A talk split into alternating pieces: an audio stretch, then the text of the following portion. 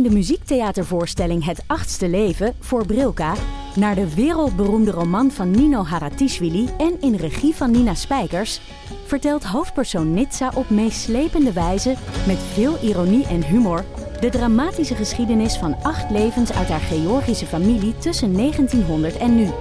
Een hartverscheurend en tegelijk troostrijk drama verteld vanuit het perspectief van vrouwen uit verschillende generaties. Waarbij het publiek meegenomen wordt op een emotionele, visuele en muzikale reis door de 20ste eeuw. Koop je tickets voor het achtste leven via oostpol.nl. Oké, ik draai. Jullie draaiden ook, hè, Anne? Waar Wij zitten draaien. jullie eigenlijk in Nederland? Zwolle. Zwolle? Ik zit in Bergharen, bij Nijmegen. Ah, ja. Bij Down the Rabbit Hole. Ja. En ik zit Nijmegen gewoon, had ik wel eh, eerder voorbij horen Ik komen, zit ja. gewoon naast je. In de studio van dag en nacht. Weet de luisteraar dat ook? Ja, gezellig En Alex is aan het vogelen dus. Nou, mooi. Ja, Alex heeft ervoor gekozen om, eh, dat hij vandaag liever gaat vogelen met Rico van Opgezwollen dan praten met ons. Nou ja, Ja. Pijnlijk voor Luister- mij. ja luisteraar, trek je conclusies zou ik zeggen. Ja. Vol- volgende week eh, nieuw in je App Store de, de podcast Vogelen met Rico en Alex van der Hulst.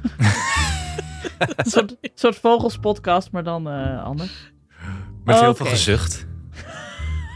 Ja, Alex haat dat dan, gaan vogelen. Ja. Dan moet hij elke week dat gaan doen. Ik heb natte voeten. Oh, koud is het. Ik heb heel slecht geslapen. Alweer een gans, die ken ik al. Ieder alle andere mensen zien allemaal bijzondere, zien allemaal bijzondere vogels. Ik zie nooit bijzondere vogels. Nee, KBV'tjes zie je dan. KBV? Wat is een KBV? Kleine bruine vogeltjes. Ik heb van mijn neef een vogelaar geleerd dat dat echt een verzamelterm is voor gewoon vogels die je eigenlijk niet meer wil zien gewoon. Goh, Het schijnt toch ook dat je tova zegt? Als je torenvalk bedoelt. Doris en ik hebben op televisie ooit een vogelaar gezien. Die zei, ja, en dan hebben we ook de tova. Oh, maar god, het erg.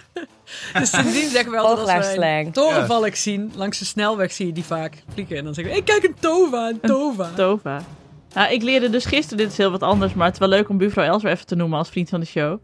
Dat je hier in Zwolle noem je eh, de mensen van de gereforme- gereformeerde gemeente, dus die eh, religieuze stroming, noem je gergemmers. En dat wist ik niet. dus ze zaten koffie te drinken en zo. Ja, maar dat zijn ook allemaal gergemmers. Ik zo, wat zijn dat? Oh, gergemmers. Gerif oh, Gergemmers? gereformeerde gergemmers. Het klinkt uit iemand uit het OMT. Ja. Ja, volgens mij zit er iemand in het OMT. Zit hij er niet in? Ja. Hallo, mijn naam is Ger Gemmers. Ik eh, laat me niet vaccineren, dat was vooral de strekking. Maar. Eh, ik begin even met de intro, want anders dan komen we er nooit toe.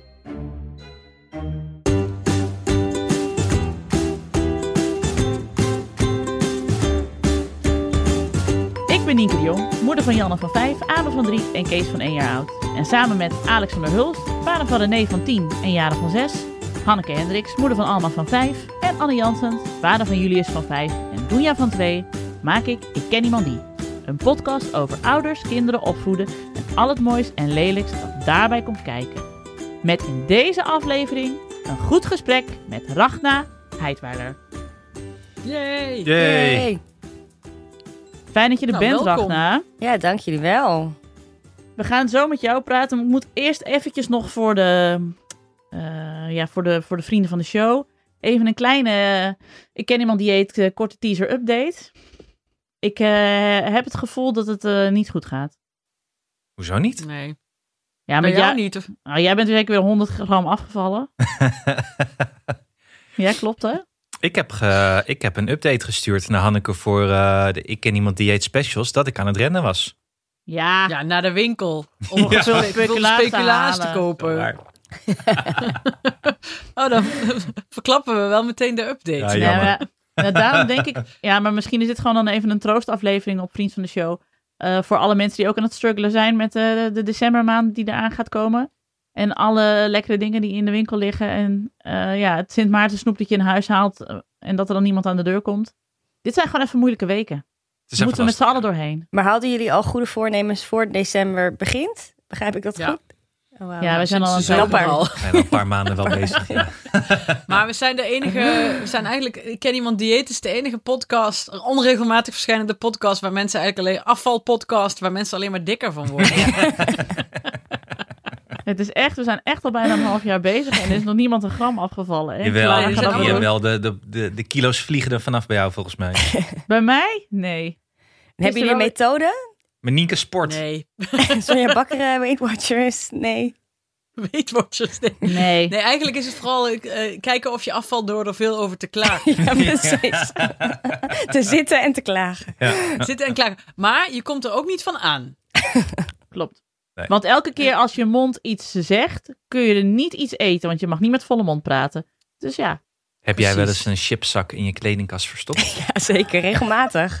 Ik mag geen snoep meer in huis halen. Nee? Nee, dus ik verstop al mijn chocola en chips in eh, kledingkasten en eh, boven ooghoogte. Van Oh. zowel mijn volwassen huisgenoten als de kinderen. Ja. Dankjewel! Dat had ik even nodig, mensen. Zie je wel. Helemaal niet erg. Wat heb je op het moment verstopt? Ehm, ik heb de stash in mijn handtas zitten die ik hiermee naartoe heb. Ja, laat heb je ook wat nodig. Ik had het nodig. Ja. Ik had suiker nodig. Dus ik dacht, ik laat het niet liggen. Ik neem het vandaag mee. Ja, Slim. ja. we hebben ook muizen. Dat heeft er ook iets mee te maken. Maar, ehm, In de kledingkast? Nee, niet in de kledingkast. Nog niet. Dus daar ben ik altijd een beetje Ja. huiverig om het in de kledingkast te stoppen. Ja, dat snap ik. Ja, het trekt toch beest aan. Maar, Misschien moet je een, een afsluitbare bak met van die clips erop. Die ja, maar waar laat ik die dan? zetten. Dat, dat In is zo makkelijk te vinden. Een paar oude sokken Een zwarte erop. doos. Ja, misschien ja. Oh, jongens, ik ben blij eh, dat ik niet de enige ben. Nou ja, goed. Het eh, gaat dus niet zo, maar ja, eh, daarop op Vriend van de Show meer daarover.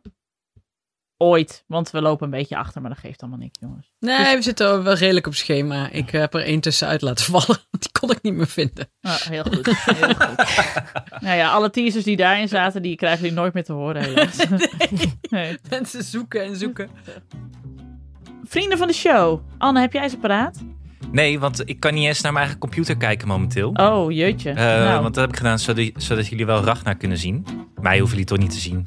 Mij kunnen ah, jullie, jullie kunnen mij dromen natuurlijk. Ja, dat is wel waar. dat is wel zo, ja. Nou, maar even kijken. Oké, vriend, oh, nieuwe vrienden van de show. Ik, nee, ik, ga ze, ik ga ze opnoemen nu. Ja. Oké. Hartelijk dank aan de knallers van mensen die gedoneerd hebben op Vriend van de Show. Zodat wij nog meer premium content kunnen maken.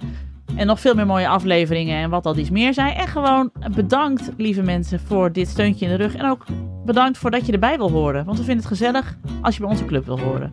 Dank aan de volgende mensen. Marieke, Margriet, Valerie, Drank? Olga, Lenny, Marieke, Robien, Birgit de Jong, Olivia, Marieke uit Woerden. Oh ja, die hebben we al gehad. Het waren er niet zoveel deze dat keer. waren ze al. Hé, hey, deze week zijn er niet zoveel. Zijn nou drank aan deze mensen? Want dat vind ik eigenlijk veel leuker dan dank. Hartelijk drank. Ja. Dat is, had ik kunnen zeggen, ja. Hartelijk dank voor jullie bijdrage. Ja, nee, dan hebben ze allemaal verder gehad, maar hartstikke leuk. Een bijdrage. Ja, super fijn. En eh, ik wil even tegen de eh Mariekes zeggen. Jongens, Mariekes, jullie zijn een opkomst. Jullie winnen nog niet van de Annes. Nee. Als de Mariekes van de, het van de Annes willen winnen, moeten er meer Mariekes vriend van de show worden. Ja. Zie het als een uitdaging. Kom op, Annes, blijf niet achter. Kom op, Mariekes. Op naar de 100 Of Annes. Nienkes, Nienkes ook. Nienkes, kom op jongens. Wacht, Pak shit. een moment. Eh, Eén seconde. Oh, Wat? Volgens mij ben ik vergeten dat de Albert Heijn to go voor de deur staat. Eén seconde. Gaat maar verder.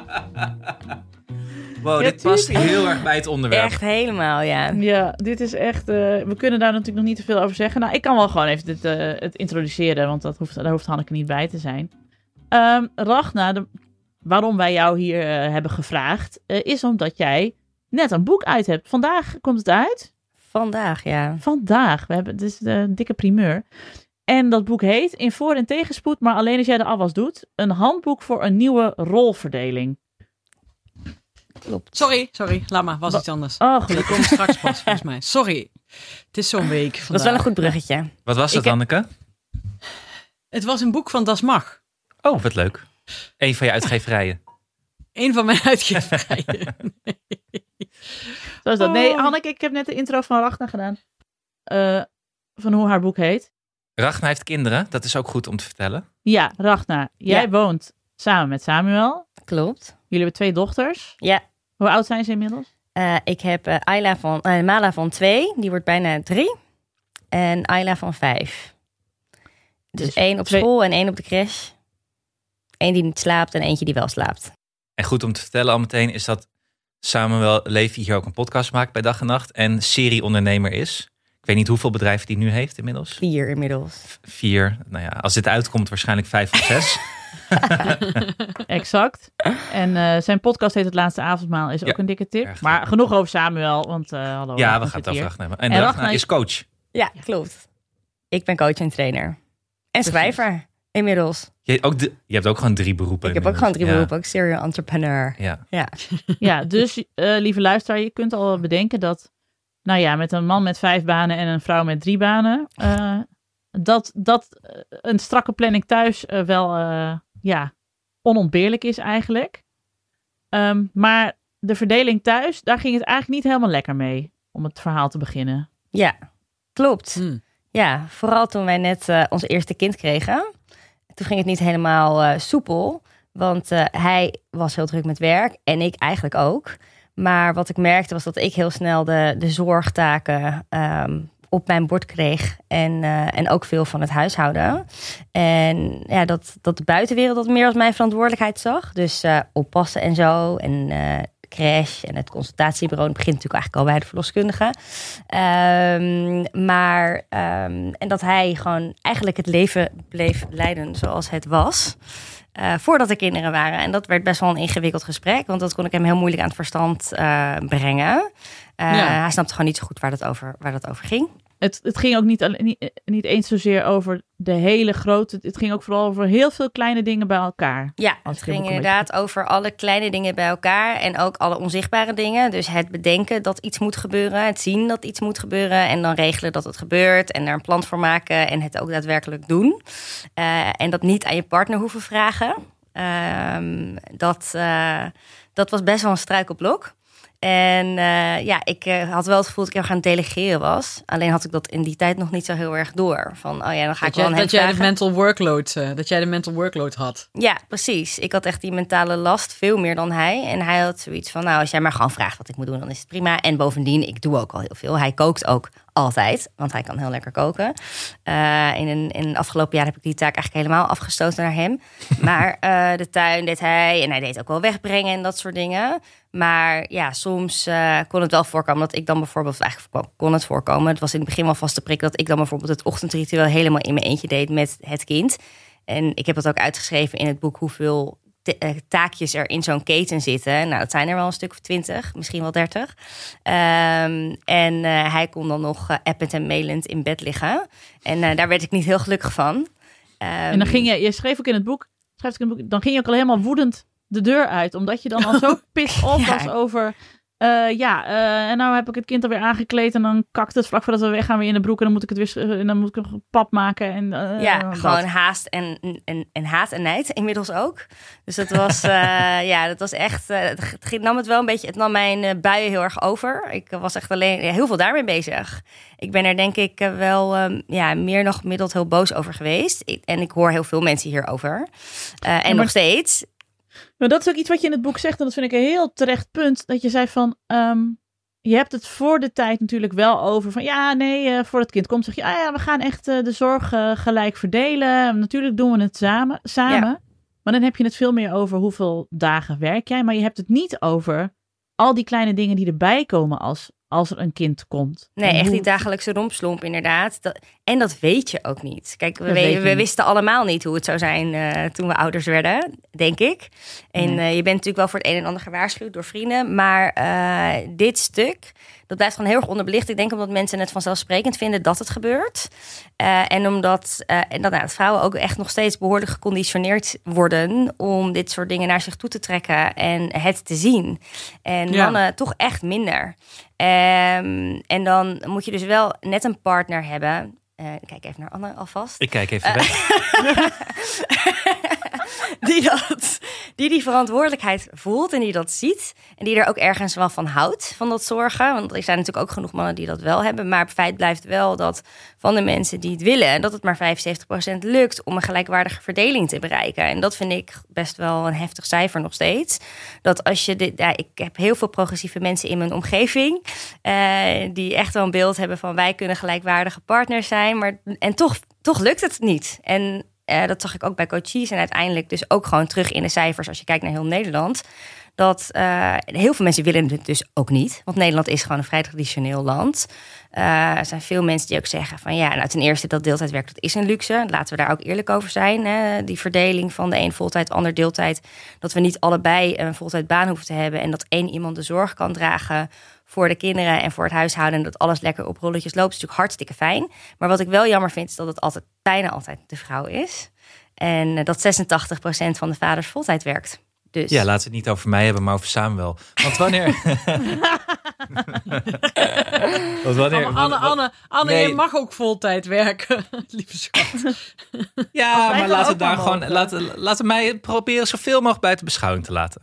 Wanneer, wanneer kwam je... Wat was het moment dat jij, dat jij zelf bedacht... Dit, dit, eh, dit werkt niet? Want ik doe eigenlijk veel te veel. En Samuel is lekker bezig met de vuilnis buiten zetten... en tortilla wraps te maken in de keuken. En hij is er super blij mee, want hij denkt: ik doe echt fucking veel. Wat zij zei, dat staat ook in je boek, dat hij dacht: jij zeurt, Ja, want ik doe echt heel veel. ja, En jij werd, eh, werd ondertussen moe en verdrietig. ja. Wat was het moment dat je dacht van, hé, hey, er gaat ergens iets mis. Nou, en het ik moet heeft- iets anders doen. Het heeft zich heel erg opgebouwd. Dus dit bleef gewoon, dit, dit bleef maar zo gaan. En ik weet nog dat we, wij zijn een jaar nadat onze dochter werd geboren, zijn we getrouwd. En ehm, ik ging een soort van, met een enorm slaaptekort, gingen we ook op huwelijksreis met kind. En dat we daar ook op een parkeerplaats. Waar gingen ruzie- jullie heen? We gingen naar Cornwall in Engeland. Cornwall? Gezel. Waar het ook heel Maar veel regent, nou overigens. Was, was, daar, was daar een fabriek die die moest bezoeken of Nee, zo? zijn Of- familie komt daar vandaan. Oh. En, eh, en ik ben ook wel erg van, eh, van, van Engeland. Ehm, nee, dat is weer een heel ander verhaal. Cornwall is, is prachtig. Een enorme tip als je nog een keer een eh, bestemming zoekt. Maar we Ja, maar waarom daar... met een kind daarheen? Ja, omdat we waren dus net getrouwd en we hadden die baby en we zouden een half jaar later met z'n tweeën op huwelijksreis gaan. En ik had dus, dat was weer het zoveelste proces wat ik eigenlijk had gemanaged met dat enorme slaaptekort. En waarvan ik gewoon het gevoel weer had van nou eigenlijk hebben we dit echt grotendeels niet samen gedaan. Dus daar ehm, was weer een moment van inzicht van dit kan niet zo, zo niet langer. En dat was dan niet, toen we al een jaar eigenlijk daarmee, daarover aan het ruzie waren. En op vakantie ging dat dus gewoon weer door. Op huwelijksreis notabene. Ehm, Op een parkeerplaats. ja, en toen ben ik er maar er echt verder in gaan verdiepen. En kwam ik eh, nog een jaar later En wacht, achter... wacht even, hoe ging, hoe ging die ruzie op die parkeerplaats dan? Wat, wat, was, wat, hoe, wat was jullie typische woordenwisseling op zo'n moment? Nou, een typische woordenwisseling is eigenlijk dat ik dus meestal niks meer zeg. En eh, gewoon vrij passief-agressief uitstraal dat ik het niet zo naar mijn zin heb. Ga je mokken? Ik ga enorm mokken. Ja? dat is dus nu ook heel erg veranderd. Maar dit waren wel hele belangrijke inzichten. Van hoe maak je nou eigenlijk ruzie? Dat is natuurlijk voor iedereen ook anders. en wat Ehm, is Samuel? Ja, Samuel die kan dan echt eh, best wel op een gegeven moment ineens ontploffen. Omdat hij dan mijn eh, passive aggressiveness niet meer trekt. Dan, eh, nou, ik heb er ook een voorbeeld van in het boek beschreven. Dat hij dan, dat we ook weer op vakantie in Frankrijk. Dat hij keihard op het stuur begon te rammen. Omdat hij gewoon boos werd van mijn tranen. Ik was verdrietig. Omdat we niet dat gesprek op een normale manier konden voeren. En hij werd daar kwaad van. En dat, eh, nou ja, weten van hoe je eigenlijk eh, getriggerd wordt door de ander en hoe je daar dan volgens mij omgaat en dat eigenlijk voor zijn op een ander moment, dat heeft ons heel erg geholpen. Dus ik ging ook veel meer de dingen die ik eigenlijk aan mijn eigen cliënten leer op mijn eigen leven toepassen. Dat is best wel bizar dat je dat dan niet doorhebt. Ehm en, en, en ik ging Dat me meer in waarom het psychologen altijd ook zelf een psycholoog nodig ja, hebben. ja, serieus. Dat heeft er vast iets mee te maken. En op een gegeven moment eh, kwam ik achter de term dus de mentale last. Dat die bestaat. En dat, eh, dat er een heel deel is bij elke taak die er eigenlijk is in het leven. Elk ding dat je moet doen. eh, wat je ook moet doorhebben dat het moet gebeuren. eh, dat het gepland moet worden door iemand. En dat hoeft niet per se in een agenda, maar dat kan ook in je hoofd zijn. Dus weer mentale last. En dat het uitgevoerd moet worden. En of het nou over een pak melk gaat, halen gaat. En bedenken dat er dus weer een volgend pak melk moet komen aan het einde van dat pak. Ehm, of de, dat een kind moet worden ingeschreven op de basisschool. Of ehm, dat er een familielid jarig is en dat er een cadeau voor moet komen. En dat schoonmoeder ehm, de schoondochter bijvoorbeeld belt om dat te melden. Eh, dat zijn allemaal van die dingen die bij de mentale last horen. En ja, dat was voor ons een doorbraak. Dat we dat doorkregen. En dat hij ook voor het eerst uit de mond van een andere man hoorde in een podcast. Van Dear Sugars. ehm, dat die man dat door had. Ja, want jullie hadden dat samen geluisterd, toch? Nou, ik had het eerst geluisterd en toen dacht ik, oh, dit, dit is het. Dit is gewoon waar het over gaat. Dit is Kun- hoe je ik het gesprek kan openen. Ja, kun je uitleggen, wat heb je daar gehoord? Ehm, het was een gesprek tussen Cheryl Strait en Steve Almond van eh Dear Sugars. Die dus ehm, een soort eh Lieve Mona-achtige rubriek hebben met York hulpbrieven. Van de New York Times is het inderdaad. Sowieso een, aan- een aanrader. En ehm, zij kregen een brief van een vrouw die eigenlijk een hele fijne relatie had met de partner. Va- ook goede vader. Alleen zij had wel heel erg het gevoel dat ze er alleen voor stond in het runnen van hun huishouden. En, eh, ik herkende me daar totaal in. En zij gingen vervolgens advies geven aan haar. En Cheryl Strait vertelt dan, geeft dan bijvoorbeeld een voorbeeld over dat zij op, ehm, op eh, reis gaat voor haar werk. En dat ze dan een soort enorme Excel-sheet maakt van, voor haar man. Met alle dingen die moeten gebeuren in de tussentijd. Dus echt soort van, van het moment van opstaan totdat ze weer thuis komt. En, eh, en Steve Almond moet dan dus erkennen dat dat inderdaad gewoon de taken zijn die, ehm, die moeten gebeuren.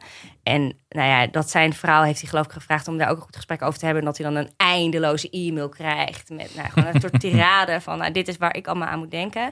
En eh, nou ja, die hebben uiteindelijk, heb ik hem soort van gedwongen ehm, eh, om die samen te luisteren. En ehm, toen begreep hij veel beter waar het over ging. Maar dat heeft dus twee jaar geduurd. Dat was, toen was hij al twee. Dus Ehm, twee jaar aan passief-agressieve haalbuien en niet begrijpen, elkaar Ja. niet goed begrijpen. Ja, en dat verloren elkaar echt een beetje. Ze waren echt een beetje de verbinding kwijt. En daardoor werd het gewoon allemaal minder leuk. Ja. Ja, maar het is ook dat de mentale werklast, we hebben het er in de podcast ook wel vaker over, omdat het zo'n, inderdaad, soms een iets wat onderbelicht eh, onderdeel is van je, van je relatie, maar wel heel erg bepalend voor degene die het op de schouders heeft. Ik weet nog, ehm eh, Jonica Smeets, die had er ook een column over geschreven, een jaar geleden geloof ik. En die zei ook van, eh, ja, dat, toen stonden een hele house aan van die artikelen, ook in de Volkskrant van Julian Althuisjes en van Rutger Lem over dat ze heel graag meer in het huishouden wilden doen en meer aan de opvoeding van hun kinderen, maar dat ze het gewoon verschrikkelijk vonden en dat Ja. ging niet. En ze Jullie en wilden- Althuisjes over de pappadag. Exact, en dat ze dan op, op de wc, zeg maar, de VI-app gingen lezen om even bij te komen, omdat ze het allemaal niet aankonden. En dat Ja. goed, excuus Lemo, gejank.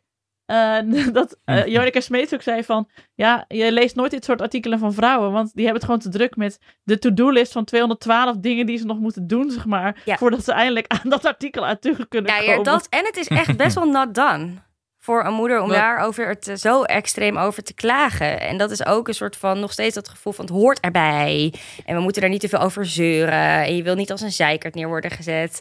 En, dat dat- is natuurlijk wat er in het huishouden gebeurt. Maar als je daar een artikel over gaat schrijven, dan het, het is best wel moeilijk om daar. Dus ik heb er een heel boek aan gewijd, omdat ik dan kan je echt zien wat de opbouw is. Ja, Want het is heel moeilijk om het bespreekbaar te maken, denk ik. Eh, en als vrouw kan je dat niet zo makkelijk zeggen, ik heb er geen zin in. Dus dat was ook wel, vond ik echt bijvoorbeeld aan dat pappadagverhaal. Van ja, weet je, aan het einde kan je gewoon besluiten om toch weer voltijd aan het werk te gaan. En een moeder kan dat niet zo makkelijk. Of tenminste, de ander kan het dan niet zo makkelijk. Kijk, als de een be- bepaalt van ik ga fulltime werken, dan leg je automatisch De die verantwoordelijkheid bij de ander. Zeker, Ja. ja.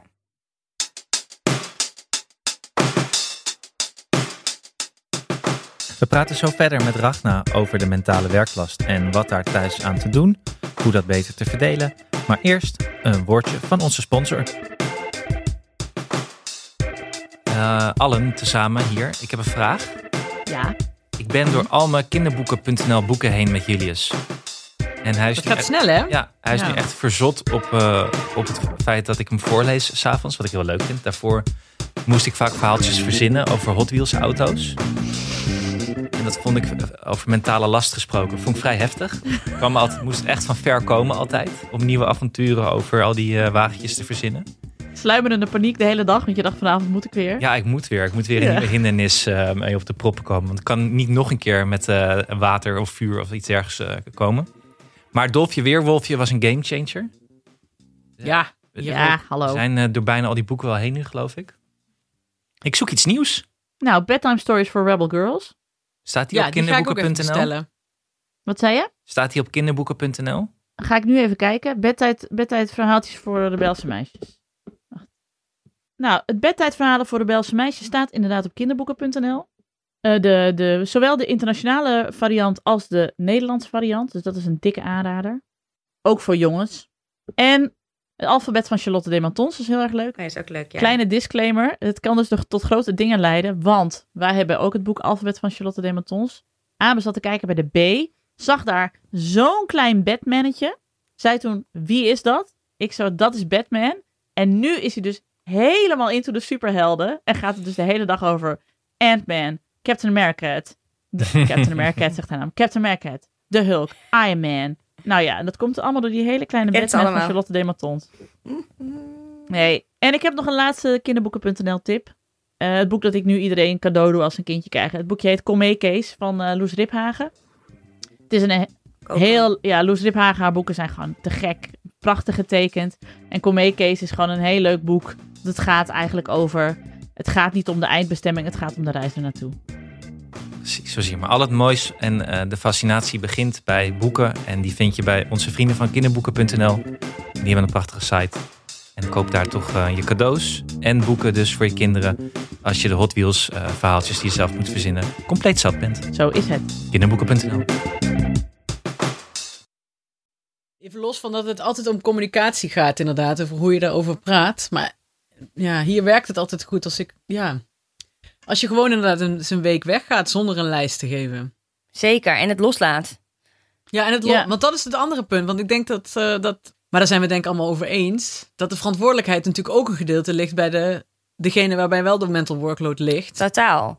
Ja, Ja, maar ik denk door. wel ook dat het echt wel zinvol is om het nou om eens dus wel erover te hebben van wat doen we nou eigenlijk? Ten eerste, Ja, hoe willen we zeker. het samen? Hoe, weet je, hoe, willen we met elkaar deze relatie hebben? Wat voor partners willen we zijn? Wat voor vader wil jij zijn? Wat voor moeder wil ik zijn? Hoe willen we het samen leuk houden? Dat ten eerste, want dat is volgens mij de basis. Wat is belangrijk voor je?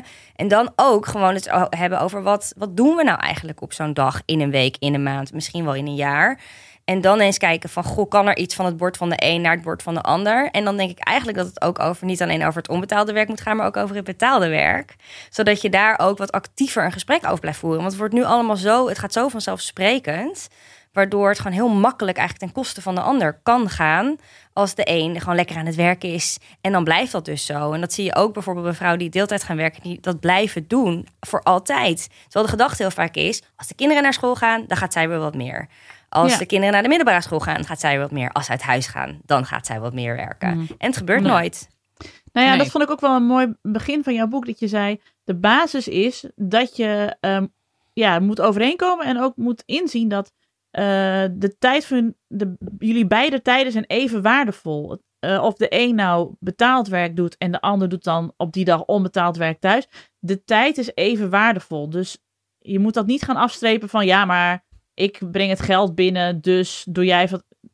Het gaat erom dat je daarin gelijkwaardig bent. En dat vond ik een hele goeie. Ja, ik denk als je die keuzes wil kunnen maken op een goede manier, dat je dat dan echt aan elkaar gelijk moet stellen. Want anders blijft het een hele oneerlijke discussie, steeds over dat geld. En heeft Ja. degene met het, die het meeste mel- geld binnenbrengt eigenlijk de meeste macht binnen de relatie. Ja, dat en die mag dan zeg maar cherrypicking uit alle, alles wat er aan mentale werkload is. Van oké, dan pak ik dit wel nog op. Hè? Eh, barmhartige Samaritaan die ik ben naast mijn fulltime baan. Ja. En, en de ander mag de, de rest gaan oplossen. Ja, en uiteindelijk, en dat is natuurlijk, kijk, dat je werkt, dat ontslaat je niet van de verantwoordelijkheid in het onbetaalde werkgedeelte. Want dat is ook een ge- gemeenschappelijk bedrijf, wat gewoon gerund moet worden en eh, wat je echt samen moet doen. En het gaat denk ik eh, nou, heel vaak ten koste van, de, van het partnerschap, als je dat niet op een goede manier samen organiseert. Nee, ja, Nee, ik- absoluut. Ik las in jouw boek ook een, een tip van. eh, dat was een soort kaartspel wat erover gemaakt is, hè, waar alle mentale werkload op staat. Maar dat kun je natuurlijk ook zelf maken, dat je gewoon op kaartjes schrijft. Ja, alles je kan wat die kaartjes volgens mij zelfs vinden op de website van dat boek. Fairplay heet het boek. Ehm, en eh, wij hebben dat ook, ook ooit gespeeld. Kregen meteen ruzie natuurlijk, want eh het is niet heel gezellig. Eh, en ik heb eigenlijk in plaats... Nou, ik wilde dus niet een spel maken, maar mensen vroegen wel vaak om een lijst omdat ze eigenlijk geen zin hebben natuurlijk ook om zelf die lijst te gaan zitten maken. Dus ik heb moet iemand dat weer doen Ja, van, van je twee? Wie gaat dan die lijst maken? Dus ik heb die lijst gemaakt. eh, zo volledig mogelijk. Ehm, en dan zowel de zichtbare als de onzichtbare taken ook. En ook de dagelijks terugkerende en de wat meer incidentele. Om gewoon samen eens af te vinken. Ja, en ik heb er niet nog ook de tijd achter gezet. Want ik dacht, ja, je wil dus niet dat je dan ook enorm gaat bekvechten over hoeveel tijd alles kost. Het gaat erom dat je inzichtelijk maakt van wat moet er nou precies gebeuren. Wat kan er van de een naar de ander. Zodat je in ieder geval het gevoel hebt dat het wat meer, ehm, ja, dat het bespreekbaar wordt gewoon. En inzichtelijk. Ja, want Ja. over dat bespreekbaar laten we even nog één stapje terug. Want Ja, eh, jullie hadden dus samen die podcast geluisterd. En eh, bij Samuel ging ineens een lampje branden ja op dit stuk, ja. op dit stuk. Ja. Van, oh, ik snap ineens wat ze bedoelt. Ja, En eh, toen ging hij dat delen op social media. Ja dat duurde nog wat langer hoor. Oh ja? Oh, wat, Ja. wat, ging, Ja. wat, wat was die tijd die ertussen zat? Nou, wat de tijd, er daar? ik ben ziek geworden toen bij, tijdens mijn tweede zwangerschap. En ook heb, ik heb toen een maand in het ziekenhuis gelegen met, met kind in de buik. En dat was voor iedereen een hele spannende periode. En ik kon helemaal Wat niks. had je? Ik had een gedraaide eilei- eileider. Kwamen we achter Oh. terwijl ik was opgenomen. En ik moest ook aan mijn buik worden geopereerd. Oh. Dus tijdens de, zwangerschap en toen kwam de bevalling op gang in dat proces. En dat was niet de bedoeling, want ik was nog maar 31 weken zwanger. Oh dus, no. ehm, dus toen eh, werd ik in een academisch ziekenhuis opgenomen voor een paar dagen tot ik 32, 32 weken was. En toen mocht ik weer terug eh, naar de plek waar ik in eerste instantie eh, lag. Dus dat was gewoon super spannend en eng en, eh, en voor mij heel pijnlijk. Ja. Dus, ehm, en Samuel die sliep dan vaak bij mij op de bank in mijn ziekenhuiskamer. Of werd s'nachts uit bed gebeld, er is weer wat met haar. Ehm, en hij werkt ondertussen door. En onze families hebben echt enorm veel gedaan ook om dus te ondersteunen in die, in die zorg. Ja. Ehm, maar hij, ja, uiteindelijk moest hij voor Ayla zorgen, voor onze eerste dochter. En maakte zich zorgen om mij en hij moest werken. Dus hij viel bijna om. En hij had gewoon- geen lijst van jou had- gekregen met wat hij, allemaal moet doen. lijst. Nee. Nee. hij kon niet afvinken. nee, nee, precies dat. Dus eh, eh, dat waren gewoon, dat was echt best wel een pittige tijd. En, ehm, en toen voelde hij wel wat het dus inhoudt om volledig te zorgen. En zag hij veel duidelijker wat, wat, het, eh, ja, wat ik deed. Ja. Ehm, dat hele pakket. En, en dat was eigenlijk, denk ik, het, eh, het belangrijkste keerpunt voor ons. Toen zijn we echt andere afspraken gaan maken. Eh, ik ben toen ook in die periode net daarna versneld begonnen met mijn coachpraktijk.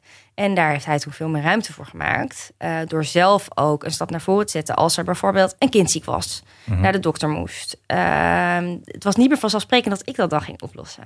En dat was het Ja. echt. eh, dat was het toch wel echt heel lang. Dat de tandarts voor de eerst naar de tandarts, dat ik dat maar ging doen. Dat ik dan ruimte maakte in mijn agenda. Zelfs als ik nog, toen ik nog in dienst was. Ehm, dus ehm, het werd allemaal minder vanzelfsprekend dat de zorg bij mij lag. Hij ging meer overnemen. En dat was een heel belangrijk punt. En daarna kwam, eh, toen dat eigenlijk een stuk beter ging... en we dus het gesprek ook beter hadden... en voor mijn gevoel ook veel beter ging... toen brak de pandemie uit. En toen was hij met z'n toen nog drie bedrijven... Ja, ja, moest hij aan de dat bak. was weer een hele, hele nieuwe episode Ja, natuurlijk. en, en toen dacht ik, wat is dit? Eh, we gaan weer helemaal terug. We zijn weer bijna terug bij af. Want voor mij kwam alles tot stilstand. Ik kon toen in eerste instantie geen eh, cliëntcontact eh, hebben. En ik zat gewoon thuis. Iemand moest voor de kinderen zorgen. En hij was ook, ook echt weg om te werken. Vaak. Ehm, Hij probeerde zijn vier, vijf bedrijven te redden op dat moment, toch? ja, drie. Drie, oké. ja. maar, eh, en na een paar maanden toen, eh, toen dacht ik van ja, hier moet, het boek moet er nu gewoon komen. Ja. Ehm, en dit is niet, het gaat niet alleen, oh, ten eerste niet alleen over ons, dat was al heel, echt kristal, eh crystal clear. Ehm, en het heeft daarnaast tot gevolg die hele scheve taakverdeling thuis, dat vrouwen in de maatschappij bepaalde keuzes niet kunnen maken en dat mannen niet thuis kunnen zorgen. Want dat is eh, die sociale normen dat, dat een man voltijd moet werken. Want dus ik, ja, dat, ik begin weer over, over, over die 86% vaders die werkt. En wat ik zo bijzonder vind is dat 72% van de mannen in het algemeen voltijd werkt. Dus vaders gaan meer werken als ze kinderen krijgen. Ja, En, hè? ja, dat is toch bizar? Hier, hier krijg je Nienke helemaal mee op de kast ook zo meteen om, eh, om ook haar duitje in het zakje te doen, volgens mij, hierover. Maar ik wil nog even Nou, e- e- één stapje, één stapje terug. Hoe ging eigenlijk de geboorte dan uiteindelijk van je tweede kind? Die ging eh, eh, in eerste instantie heel goed. Ik ben in bad bevallen, dat was heel bijzonder. Met hoeveel weken? Eh, uiteindelijk met 38 weken. Oh, fijn. Ja, en toen eh, liet de placenta niet los, dus over bloed verloren. Dus hadden we dus weer eigenlijk een hele rare periode daarna. Ehm, dus Sam die moest nog eventjes eh, het vol blijven houden. Placenta liet niet los? Nee, die blijft soms zitten. Oh. En dan moeten ze hem operatief verwijderen en dan, eh, nou ja, gedoe. Oh, dat, ja. Ja. Pech, eh, Het Pechbevalling. was een pechbevalling, ja. Ja. Maar uiteindelijk ook daardoor enorm vertraagd. En ik heb veel meer genoten van die tweede eh, periode, kraamperiode, dan de eerste keer. Want toen was ik veel meer nog in dat beeld ook van... ik moet ook straks weer aan het werk en ik moet allemaal dingen doen... en we moeten uit eten met die baby en we moeten weet ik wat, wat Ja, we allemaal precies. moesten. ja, echt heel vermoeiend. En de tweede keer heb ik heel, was in de winter ook. Gewoon echt, we waren helemaal in eh, een cocon. En dat was heel fijn. Oké. Ja. En eh, ik wil toch even naar het moment uiteindelijk ook dat Samuel eh, hierover ging posten op social media. Ja, dat moment. Eh, want dat moment is ook bij mij aangekomen. Ja. Ja, en volgens mij bij wel meer mannen ook in mijn omgeving. Ja, was jij een van die mannen die hem toen een berichtje stuurde van gast, wat doe je? Samuel, niet doen. niet doen, Samuel. Je krijgt Ja, allemaal hinder het- van. Want het staat dus ook in het boek. De, de andere mannen werden daar totaal ongemakkelijk van, hè? Ja, kun, je, kun je vertellen hoe dat dan uiteindelijk ging? Want uiteindelijk had Samuel dus, eh, nou, die had eh, al begrepen wat er allemaal aan de hand was, want hij had het ook ondervonden. Had het gehoord in de podcast, maar ook ondervonden uiteindelijk omdat jij boos weg was in het ziekenhuis. Dat ging niet goed. ja, Hij had het kind. Ja. En uiteindelijk twee kinderen. ja. En het gesprek werd weer opnieuw aangezwengeld door corona. En eh, het was dus kennelijk nog niet opgelost. En in die periode, denk ik na die eerste lockdown, ergens heeft hij voor het eerst die post geplaatst. Ja. Waar hij heel veel reacties op kreeg, inderdaad, van andere mannen. En daar moesten wij toen best wel hard om lachen ook. Ja? Maar ook wel, we waren ook Wat wel... stond er ook weer in die post? Ik, Ehm, ja, dat ik met dit onderwerp bezig was en dat hij, eh, ik, ik weet het niet meer, hij heeft nog best wel wat meer posts daarna gedaan, maar dat hij tot het inzicht was gekomen dat het heel belangrijk was dat hij eh, net zo'n groot aandeel eigenlijk in de zorg en huishouden op zich nam als ik. ja, het ging echt over mentale workload. En zo, ja, en de mentale, mij. ja, precies. Ja. en dat dat dus Dat concept heb ik daar eh, voor het eerst gehoord. Ja. Ja, ja, en nog, nog vaak mee om de oren geslagen. Zeker. ja. Ja, Want Mia die stuurde dat naar mij door en die zei van, zie je nou wel? ja. Hier moeten wij het ook zo over hebben. En heb je dat Maar gedaan? Anne, Anne, Jawel, ja, Anne, ja, Ja? doe Ja. je zo weinig, Anne? Ja, Wat, wat, moet je, wat, moet, wat vind jij zelf dan dat je eigenlijk nog allemaal moet gaan doen thuis? Om het eerlijk te maken. Want we doen steeds zo lacherig. Zo, hahaha, ze stu- Mia stuurt dat naar mij. Maar wat moet je doen dan? nou, ik weet niet. nee, nou, ik, ik weet niet zozeer of het echt om, om doen of zo. Dat, want dan maak je het over eh karweitjes. En ik denk Ja. dat je als man snel kan denken: ik doe heel veel karweitjes, dus laat me alsjeblieft met rust. Maar dat Ja. het dus inderdaad gaat over eh, eh, de zorg dat al die karweitjes daadwerkelijk gebeuren. Dus dat niet iemand tegen jou zegt: zet de vuilnisbak buiten. En dat jij vervolgens de vuilnisbak buiten zet. En trots bent dat je de vuilnisbak hebt buiten gezet. Terwijl het eigenlijk helemaal niet jouw eh, drukte op jouw schema eigenlijk om dat allemaal te gaan doen.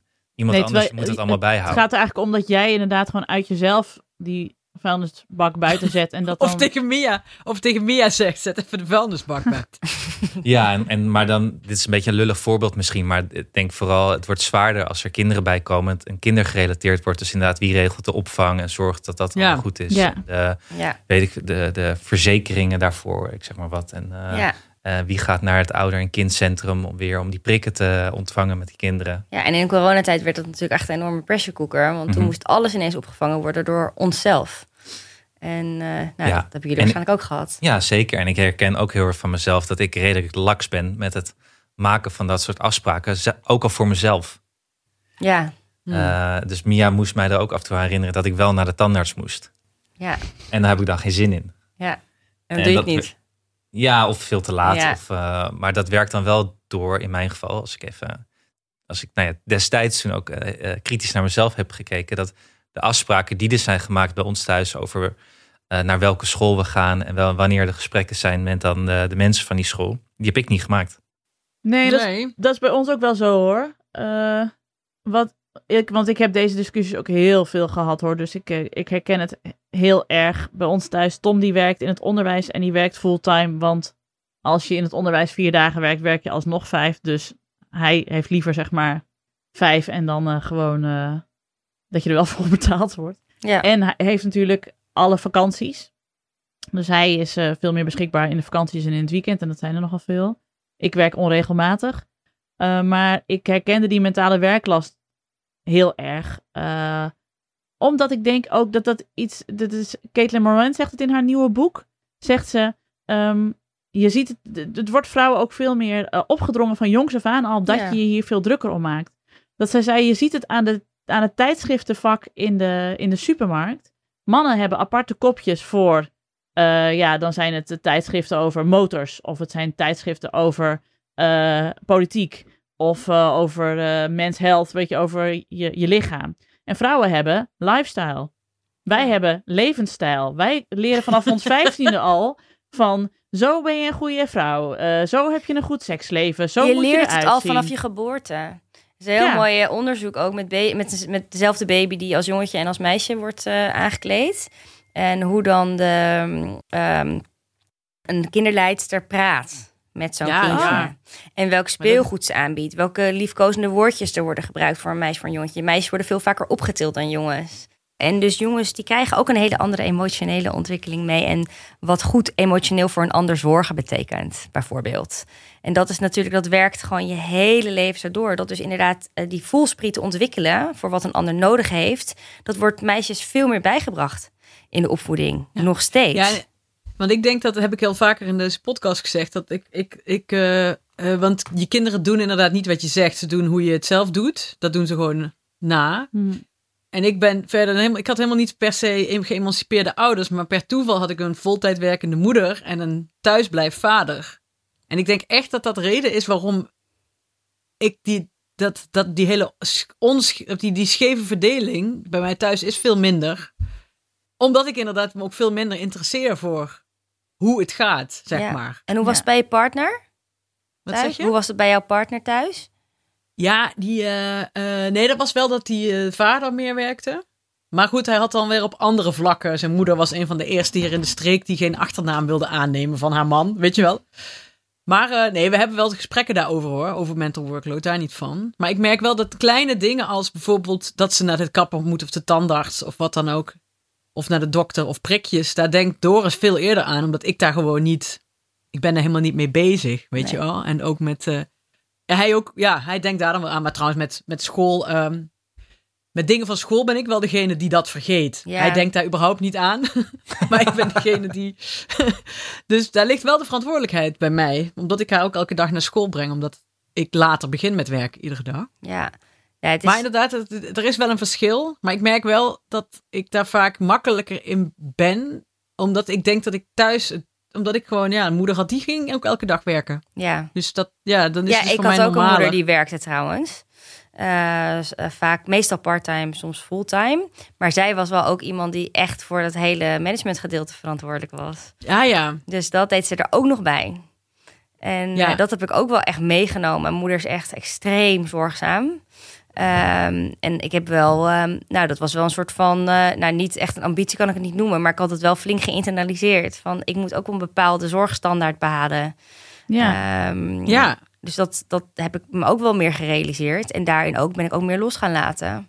Om het gewoon bij hem te laten. En hij komt notabene uit een gezin ook eh, vol eh, familie, vol feministen. En een feministische vader. En moeder die voltijd werkte, veel naar het buitenland reisde. Vader die hartstikke veel deed. En toch Ah, it. ging het er bij ons in. Dus dat is ook best wel bizar. En wat jij zegt, Hanneke, dat herken ik ook heel erg hoor. Maar ook uit mijn omgeving, eigen vriendengroep. Het zit heel erg op een soort spectrum. En ik zie ook heel veel omgekeerde rollen. Bijvoorbeeld vrouwen die kostwinner zijn. Of, ehm, die, of, of partners die inderdaad gewoon een even grote baan hebben. Maar ja, het is inderdaad... Een vorm van dit onderwerp komt bij de meeste mensen wel voor. En bij sommigen extreem, zoals bij ons. eh, en nog veel extremer, denk ik. Ehm, en bij anderen wat minder. Maar mental load is denk ik ja, iets wat Ja. iedereen wel herkent. Ja, en een van de tips die jij geeft in het boek vond ik een hele goede. Want die heeft bij ons eh, heel goed geholpen. Omdat ik op een gegeven moment merkte dat daar de frustratie zat. Dat eh, Tom heel makkelijk kon roepen van... oh, de koffie is op. En dan liet hij het daarbij. En dan schoof hij het bij mij. En dat deed hij het bij voorbaat... eh, S S'avonds laat als we in bed stapten en hij al half in slaap was, morgen. dan ging je al die to-do-listjes nog bij mij eh, erop gooien. Top. En dus op een gegeven moment heb ik gezegd, dat wil ik niet meer. En dus ook inderdaad, als het zo is, ja, fix het zelf. En dat vind Ja, ik precies. een, he een hele goede tip uit jouw boek. Dat je zegt, eh, je moet een taak afmaken. Je mag niet een beginnen. Als je hem begint, moet je hem ook afmaken. Dus eh ja, heeft je hebt die drie gezien. stappen daarvoor. Ja, ik heb die. Vertel eens eh, over die drie stappen. Ja, nou, ik dacht er moet een soort van kijk, op ons werk hoeft niemand ons in principe te vertellen wat we moeten doen. Hè? Want dan pakken we gewoon een volledige verantwoordelijkheid. Man, vrouw, maakt niet uit. En thuis is dat dus toch een beetje anders. Dus dan ga je ineens dingen tegen je partner roepen en hopen dat het dan vanzelf gebeurt. Dus ik dacht, er moet voor thuisfront ook een soort workflow komen. Net zoals dat je dat in management lingo op de werkvloer hebt. Ehm, en dan zou dat dus zijn, voor elke taak moet je, je moet zien dat het moet gebeuren. Zet. Je moet het uh, plannen, moet zorgen dat er een moment is waarop het gebeurt, de P. En je moet het uitvoeren. Dus het moet gedaan worden, de U. Dus ZPU is dan heel simpel het stappenplannetje. Uh, en dat hoort bij elke, bij elke taak, van koffie kopen tot kinderen aankleden, tot zorgen dat ze de deur uitgaan. Uh, het, moet, het moet allemaal gebeuren, anders is, anders is het niet gebeurd, ben je af. Nee, natuurlijk kan je wel eens best iets bij de ander laten liggen. Maar het gaat erom dat je wel beseft dat het ja, dat er een, een keten is.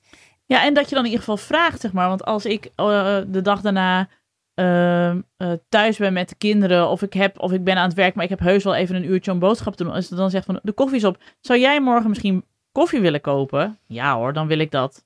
Dan kan ik zelf zeggen ja of nee. Van of ik heb daar geen tijd voor, kun jij het even op. Maar niet, de koffie is op. Punt.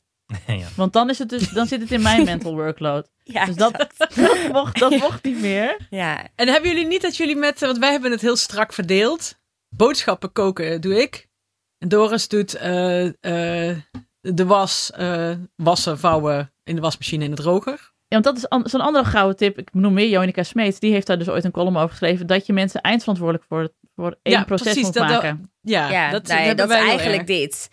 Uh, ja. En, ik, en Ja. dat kan je, en dat, ik denk dat je dat in principe dus kan doen. Dat kan je met die lijst heel mooi doen. En gewoon zeggen van de een doet dit, de ander doet dat. En, maar eigenlijk wat bij ons de grootste winst is, dat het veel overdraagbaarder is. Dus dat hij veel meer richting mij is opgeschoven in de taken. En dat we het eigenlijk allebei allemaal kunnen.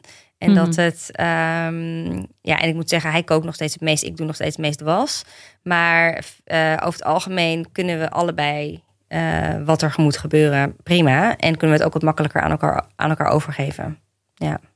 Ja, want dat zijn Ja. zeg maar eh, eh, taken dan, maar het gaat toch ook erg over gesprek. Dus heb je een voor, Ja. voorbeeld van hoe, hoe jullie gesprek erover dan is veranderd ten opzichte van toen je je eerste kind net had? Nou, ik voelde echt een hele grote woede. Echt, ik was heel boos over hoe het daar aan toe ging. En ik, ehm, ja, was, ik, ja, ik was daar echt zo, werd er echt een beetje door overgenomen. Dus woede en verdriet waren de twee manieren waarop bij mij die frustratie zich uitte. En ik denk dat dit veel breder gaat dan alleen maar dus de taakverdeling. Van Ja. als je bepaalde zaken in je relatie je echt van streek maken. Of als je er heel erg juist van dichtklapt, dat kan natuurlijk ook. Want sommige mensen klappen juist heel erg dicht en voelen helemaal niks meer. Ehm, Dat had jij ook, daar ging je mokken of niet? ja, ging ik mokken. Ja, want ik kon het ook niet zo goed dus benoemen. En Ja. daar hielpen die woorden zoals mental load dan heel erg eh, weer bij. Maar ook dus bij mezelf veel meer nagaan van... maar ik werd dus verdrietig. En ik kwam helemaal niet meer bij van... wat heb ik nou eigenlijk nodig? Dus de, de negatieve emoties, zeg ik even de zaakjes... ehm, leren eh, voelen ten eerste. En het ook gewoon even toelaten en, en voelen dat je, dat je ergens niet tevreden over bent. Ehm, en dan bedenken, wat is dan de behoefte die daarbij hoort? Dus wat wil ik nou eigenlijk dan? Wat is dan wel het ideale plaatje? Want ja, ik weet niet of jullie het ook herkennen, maar vingerwijs is dan natuurlijk wel echt een mechanisme waar je snel in kan verzanden als je iets niet prettig Ja. vindt. Van jij Dat luistert is ook le- het is lekker. Ja, lekker het is, dat ook. Het is een beetje verslavend. het is echt Ja. een beetje gewoon, als je ergens niet blij mee bent, is het ook echt best wel lekker om daarin te blijven hangen. dus hoe kan je daar uitbreken? Dat is door, kijk, dat vinden we namelijk geen prettige ervaring per definitie, toch? Het is niet leuk om mokkend of boos of verdrietig of teleurgesteld in je partner omdat hij weer geen verjaardagscadeautje voor je heeft gekocht of zo eh, rond te lopen. Dus hoe kan je dat dan op een ander moment beter bespreekbaar maken? Ik denk Want je dus komt daar, in een dynamiek dat de ander zegt, ik doe al zoveel. ja, Toch ook? ja, dat Zeik niet, zeik niet zo. Nee, dat dus, is het. dus het is Ja. echt die eigen behoeften serieuzer gaan nemen. En ik denk dat dat voor ouders heel moeilijk is. Eh, omdat je zo lang, zoveel jaar eigenlijk... Je bent er voor je kind. Je bent je, vaak jezelf ook een beetje kwijt. Ehm, omdat het gaat om de relatie, het gaat om dat kind. Het gaat om gewoon ook een beetje overleven. Ehm, dus om weer te gaan Overleven? overleven. Overleven. Als Overleven. Make it through the day, Anna. Sommige peren met hele kleine Survival. kinderen. Ja, overleven. Het, kan toch maar niet, nee, niet over en dan leven, maar overleven. Nee, survival. Survival. Oké, duidelijk. Ja. Nee, dat is een beetje dramatisch gesteld. Maar ik bedoel, we kennen het toch allemaal het gevoel dat je het gewoon even, even niet meer ziet zitten allemaal in je eigen gezin. Omdat het gewoon best wel zwaar is. En ehm, als je dan niet meer zo goed weet wat je zelf nodig hebt, is het dus denk ik belangrijk om daar eerst bij jezelf eens goed bij stil te staan. Van wat zit er onder dat venijn of onder dat negatieve gevoel? Eh, wat, wat voel ik nou eigenlijk? Ehm, en hoe wil ik het wel? En daar dan een moment over te plannen met je partner. En dan te, uit te leggen ook. En elkaar de ruimte te geven. En echt te luisteren naar wat heeft die ander nou te zeggen. En dat vergeten we ook heel vaak. Want je gaat natuurlijk toch heel vaak al elkaar in de reden vallen. En eh, invullen. En, en je denkt al precies dat je weet wat die ander denkt. En dat blijkt gewoon heel vaak niet het geval te zijn. Je hebt geen idee. En we vragen er Nee. ze ook niet op door. Dus dan wordt een ruzie gemaakt op basis van aannames en eh, patronen die je al honderd jaar hebt. En ik denk dus dat het heel goed is om, nou, in ieder geval minstens periodiek, eh, laat ik zeggen, één keer per kwartaal of per half jaar daar een enorme wandeling voor uit te trekken en dan zulke gesprekken te hebben. Maar het kan ook gewoon door de week op de bank. Het verschilt voor iedereen hoe dat eh, het beste werkt. Ja, je moet, je moet oppassen voor de die- ik altijd, jij nooit. Ik had discussie. jij nooit. Dat is Ja. echt, dat is een eh, killer. En ehm, het is, ja, dat, dat slaat eigenlijk elke discussie al dood. En daar, het gaat daar niet om. Dus het is zo goed om eerst eens bij jezelf te kijken, maar wat gebeurt er nou eigenlijk bij mij? En wat wil ik nou eigenlijk van jou? En als die ander jou dat niet kan geven, dat kan natuurlijk ook. Van hoe dan komen we dichter tot nader tot elkaar en kunnen we toch een compromis be- bereiken? En dat heeft echt niet alleen met de taakverdeling te maken. Dat gaat echt over Nee. gewoon de verbinding goed houden. Ik heb het wel eens een keer verteld over mijn moeder en de Rode Vrouwen. Vertel nog maar een keer. Dat mijn, mijn moeder in de jaren zeventig eh, een keer naar een bijeenkomst van de Rode Vrouwen, dat was de vrouwenclub van de PvdA, ging in Sneek. En dat ze daar in een kringetje zat met allemaal van die, nou ik stel me zo voor, vrouwen in tuinbroeken, want dat waren de dagen. Eh, en, die, en die zaten allemaal te klagen over hun man. En toen is mijn moeder weggegaan. Die zei, ja, als ik wil klagen over mijn man, dan doe ik dat liever thuis. Dan heb ik er tenminste nog wat aan. Toen is ze nooit meer teruggegaan. En dat is wel, Ja. we hadden het hier voor, voor de opname, hadden Hanneke en ik het er al even over. Dat, eh, dat pas, passief-agressief inderdaad. En dan maar eh, hopen dat iemand oppikt waarom je kwaad bent. En dan ook precies kun, kan begrijpen waarom je kwaad bent. Nee. Dat dat er bij ons niet zo in zit. Dat Hanneke en ik allebei meteen agressief worden. In plaats van pas, passief-agressief. Ja. ja, die ken ik nu ook iets beter inmiddels inderdaad. Ja. Iets sneller gewoon, gewoon boos worden meteen. Ja. Ja, het is gewoon en- ruimte, ruimte innemen. Is gewoon Ja. voor elk mens natuurlijk belangrijk om te leren. En ik denk inderdaad wat jij zegt, eh, dat, het, ehm, dat veel vrouwen van kinds af aan eigenlijk leren om juist die ruimte een beetje aan iemand anders te geven. Ja. En rekening te houden. En wat moet je Ja. dan met die woede? Lief zijn. En, ja, en Ja. die ergernis en zo. En, en niet de sfeer verpesten. Weet je. nee, gezellig houden. Ja, terwijl het is heel, gisteren was ik, ik kwam thuis en ik, eh, ik had, Alma was een paar dagen ziek geweest. En nou ja, ik heb wel de, bij, wat dat betreft met de verdeling ben ik altijd de lul, want ik werk vanaf huis. Dus ja, Ja, dus ook. ik haal er dan op. En ik blijf thuis. En eh, dus ik was al, en ik was, ik had de, de zwemles rit gedaan met een ander kind nog ophalen ergens anders, want er was weer iemand ziek en bla en weet ik veel.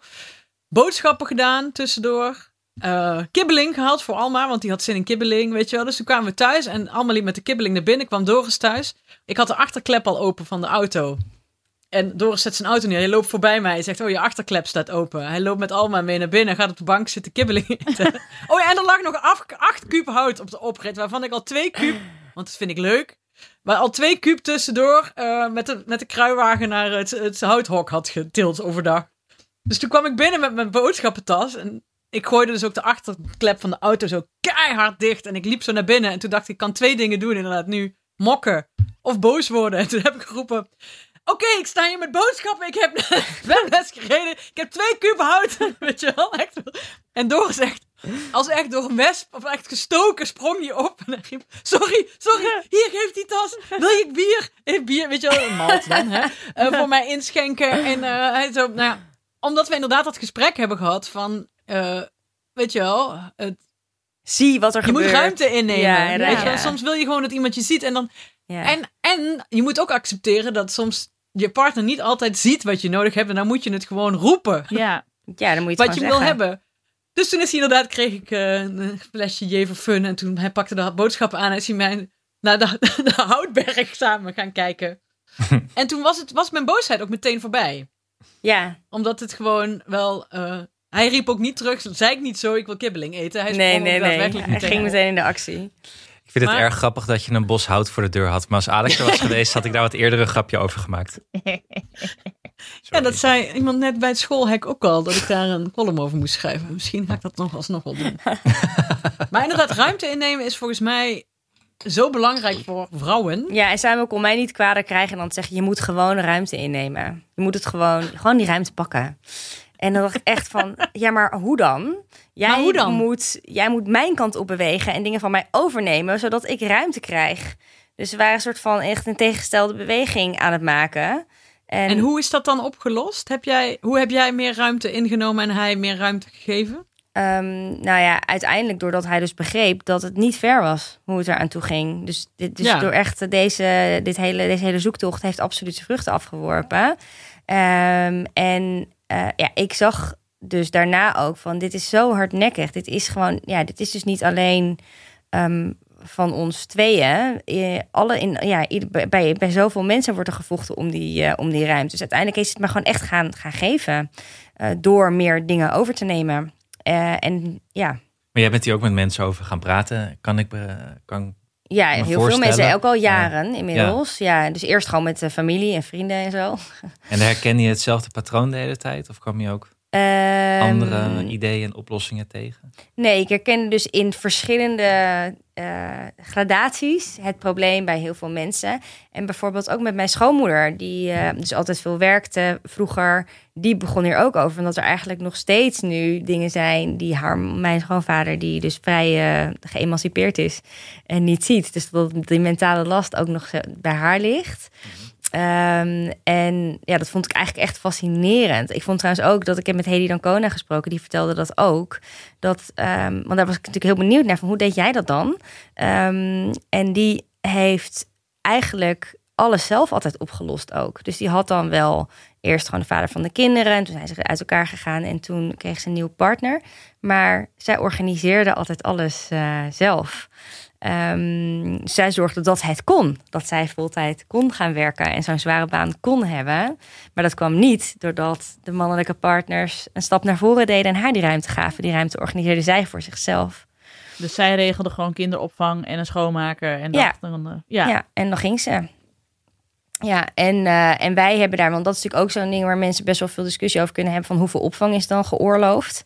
Dat was bij ons ook eh, echt een punt van discussie, met name in de eerste twee jaar, omdat Tuin wel s'avonds heel veel dingen had. Dus heel veel eh, evenementen en zo. En dat was onwijs belang- even belangrijk. Dus dan vier keer per, week een avond weg. En dan, eh, en dan wilde ik ook nog een keer een avond iets doen. Dan zei nou regelen gewoon oppas. En dat wilde ik dan echt niet. Dus hoe creëer je die ruimte? Voor mij was het heel belangrijk om dat samen te doen. En natuurlijk prima om af en toe een oppas erbij te hebben. Maar ik had echt zoiets van, ja, maar weet je, dit moeten wij ook met z'n tweeën gewoon op kunnen lossen. We kunnen niet de hele tijd jouw moeder, mijn moeder, iemand bellen en eh, vragen of zij het van ons over willen nemen. We, ja, het is voor de helft jouw kind, voor de helft mijn kind. En, ehm, en dat is gewoon echt wel bij hem geland. Ja, het is jammer dat hij nu het, eh, zichzelf niet kan verdedigen en kan aanvullen.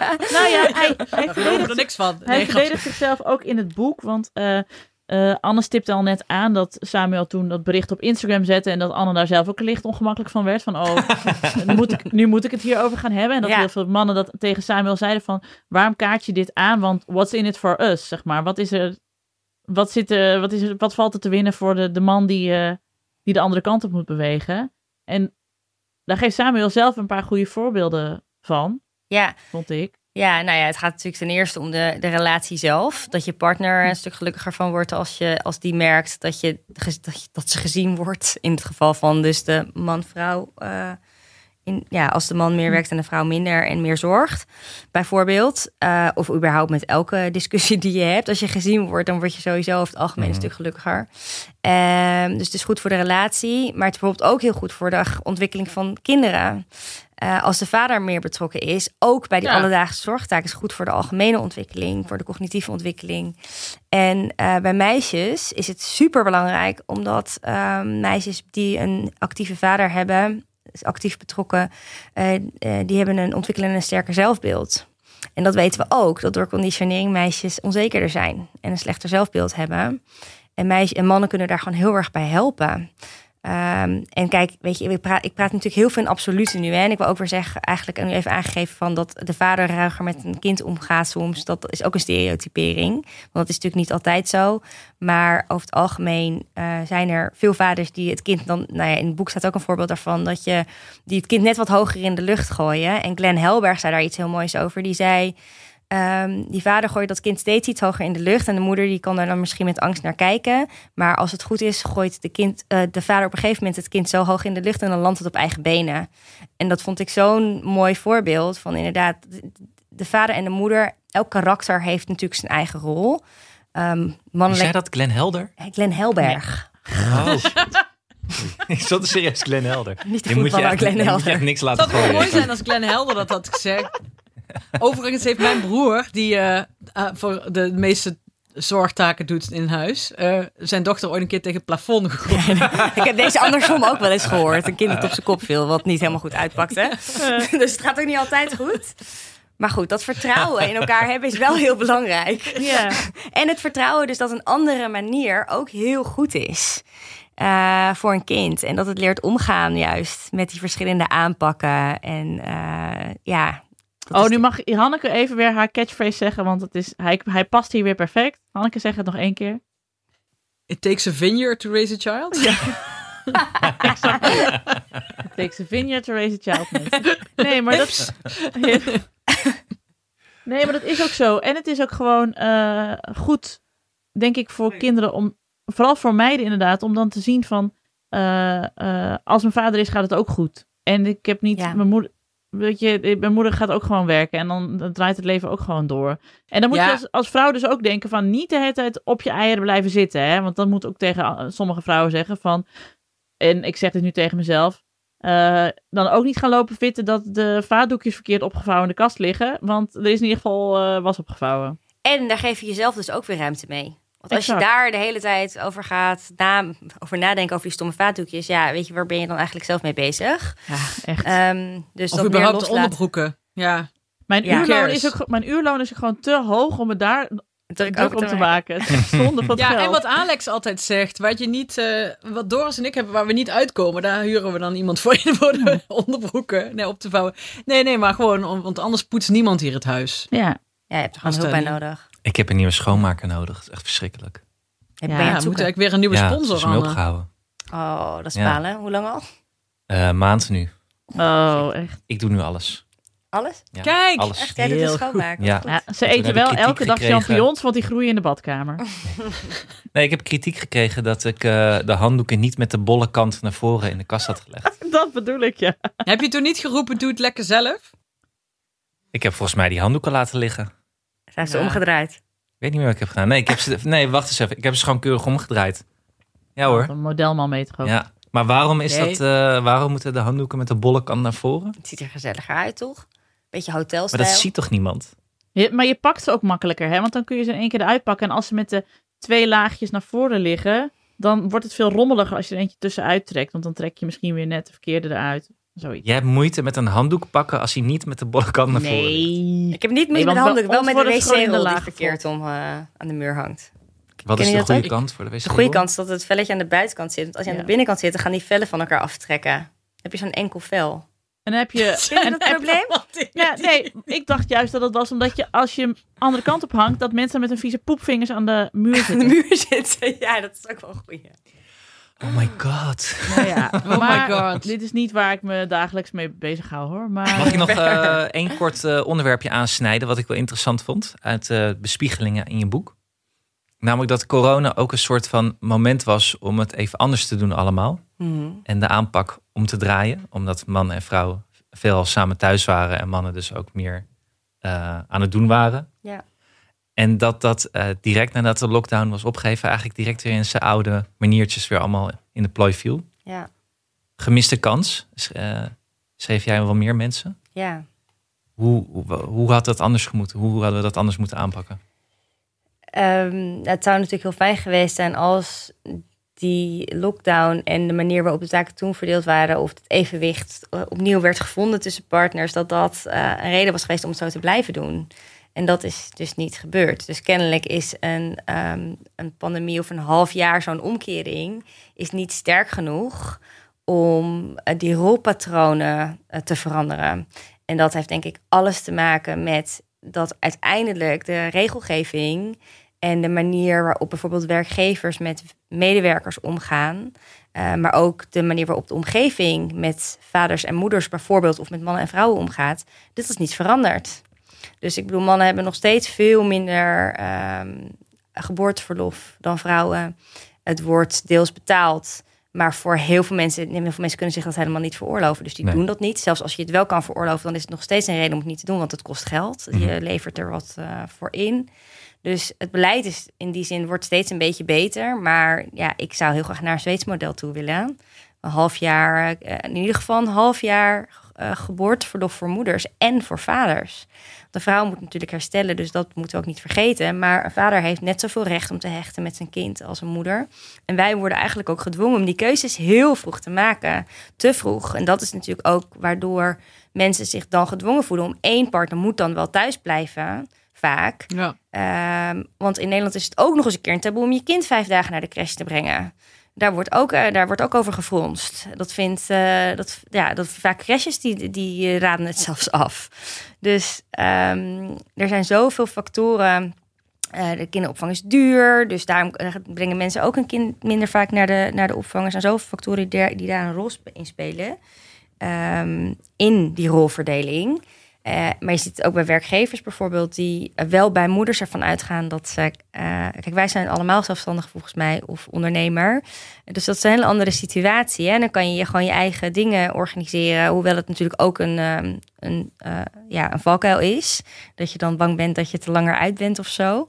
Maar um, als je in dienst bent, dan zal een werkgever vaak aan een vrouw al vragen: Goh, hoeveel ga je werken na de bevalling? Mm -hmm. worden het drie of vier dagen? En bij een man uh, nee, dat gaat niet uh, vier dagen. Want straks loop je dan toch die kansen hier binnen mis op die uh, hogere functie die op je ligt te wachten. Of, of de, de, omgeving binnen het bedrijf, de bedrijfscultuur waarin het wordt afgekeurd. Ik hoorde ook een voorbeeld bijvoorbeeld van een lasser die tegen alle normen in wel het deed. En daar ontzettend veel commentaar op kreeg. Nou, echt, ja, weet je, dat is echt een reden voor mensen om dat soort dingen -hmm. niet te doen. En krijg je nee, zeker. Ook want bij, als, als je je kind vijf. Oh, sorry, Anne. Zeg jij maar. Nee, want vrouwen krijgen toch ook commentaar op het moment dat ze fulltime werken en een kind hebben. Van ja, dus dan gaan dat lijkt heel erg in op het schuldgevoel van vrouwen. En ik weet ook, er zijn, is ook een uh, mooi onderzoek naar dat vrouwen die zware banen hebben en uh, bijvoorbeeld voltijd werken, dat die, of vrouwen die überhaupt voltijd werken, in wat voor sector dan ook, dat die een soort compensatiemechanisme hebben thuis. Om dus extra hard te zorgen en het goed te doen voor hun kinderen en het goed te organiseren. Ah, ja. ja, want die zegt nooit, uh, want dat, dat, ik, dat Doris heeft mij zelfs een keer verbeterd. Dat ik zei eh, tegen Alma, ja, um, uh, nee, maar jij moet naar de opvang, want ik moet werken. En toen zei Doris, nee, wij, ja. wij moeten werken. Ja, ja, ik zo, ja. Maar net oh, als nee. dat, dat, vrouwen dan zeggen, ja, ja maar als, we, als ik vier dagen opvang uh, heb, dat is uh, duurder dan wat ik uh, inbreng aan salaris. Dus ja. ja, dan werk ik dus ik. eigenlijk voor de opvang. Wie ik? Wie ik? Waarom gaat het van jouw salaris? inkomen, ja. ja precies. En zo kijken mensen er dus echt niet naar. En ik snap ook dat als je denkt van ik, we kunnen een heel aanzienlijk deel van ons inkomen tegen elkaar wegstepen, dat je dan toch die keuze maakt. Maar het is wel een rare gedachte dat het niet het inkomen is, wat het natuurlijk wel is. Ja. Dus die de kinderopvang die wordt uiteindelijk waarschijnlijk ook gratis. Het is wel de bedoeling dat ik, als ik weet dat het nu in een, in een voorlopig regeerakkoord staat, als dat er ooit echt gaat komen, Um, Mooi concept was dat, hè? Regering. ja, ja, leuk maar wat was, nee, maar praat me even bij. Wat was dat ook alweer, een regering? Ik Want ik heb er wel iets van gehoord, niks onthouden. Ik weet dat niet meer zo goed. jij jij maakt toch alle geschiedenis ooit, Nienke? Dit moet jij weten. Oh ja, sorry. Nee, over alle geschiedenis ooit gesproken trouwens. Nee, dit is, ik, uh, dit is een leuke, leuke anekdote voor all you uh, working women out there. Uh, Tom die las laatst met uh, Janne het, uh, dat Bedtime Stories for Rebel Girls. Het is dat voorleesboek. Daar heb je ook een Nederlandse variant van. En op de een of andere manier moet Tom dat altijd voorlezen aan Janne, wat ik heel leuk vind.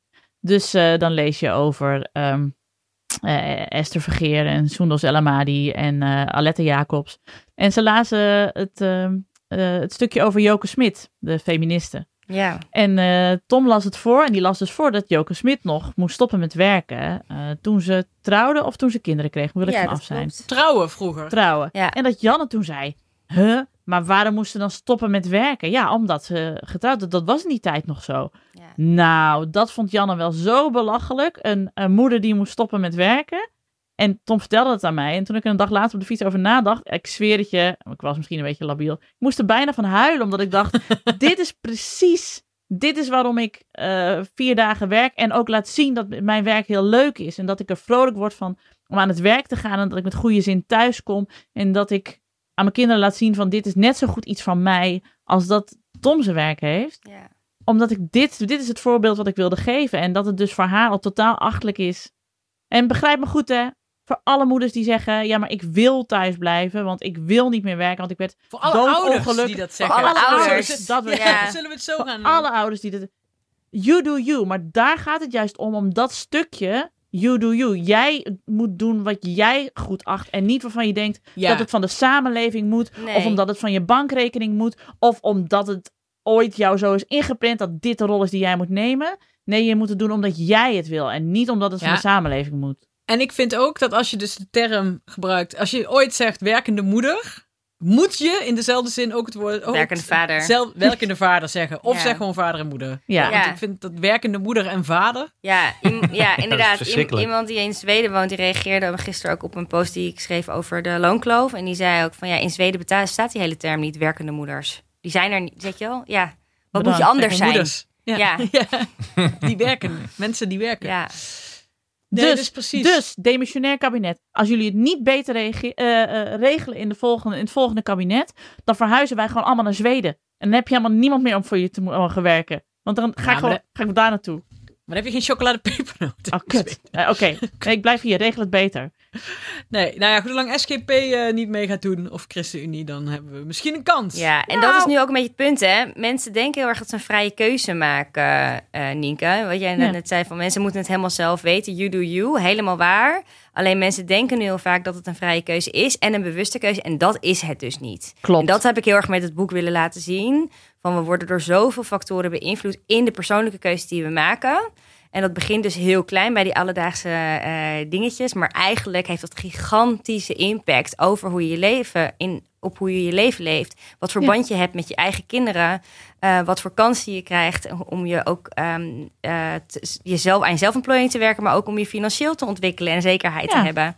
En dat is gewoon knetter ongelijk. Nog steeds. En dat moet anders. En dat Ja. is inderdaad het voorbeeld wat ik ook heel graag aan mijn kinderen wil meegeven. En iedereen moet dat inderdaad helemaal zelf weten. Alleen het zou heel fijn zijn als mannen dat ook meer mogen doen, dat zorgstuk. Ja, Vind ik een mooie afsluiting. ik Hier, ook. hier. Jullie hebben geen ruzie meer op, op parkeerplaatsen? Nee, helemaal niet meer. Worden geen sturen meer gemolesteerd door Samuel? Nee, gaat ook best. eh, ja, die laatste uitbarsting is al een tijdje geleden. Ja. Na zijn knieoperatie in januari, toen was het weer even mis. Want toen kon hij dus niks. Oh ja, Ja, moest jij alles weer moest oplossen? ik alles weer doen. En toen was ik het boek al aan het schrijven. Dus eh dat was weer voer. Ja, ja. Ja. ja. Oké, Bed- Bedankt voor dit gesprek, Ragna. Jullie ook bedankt.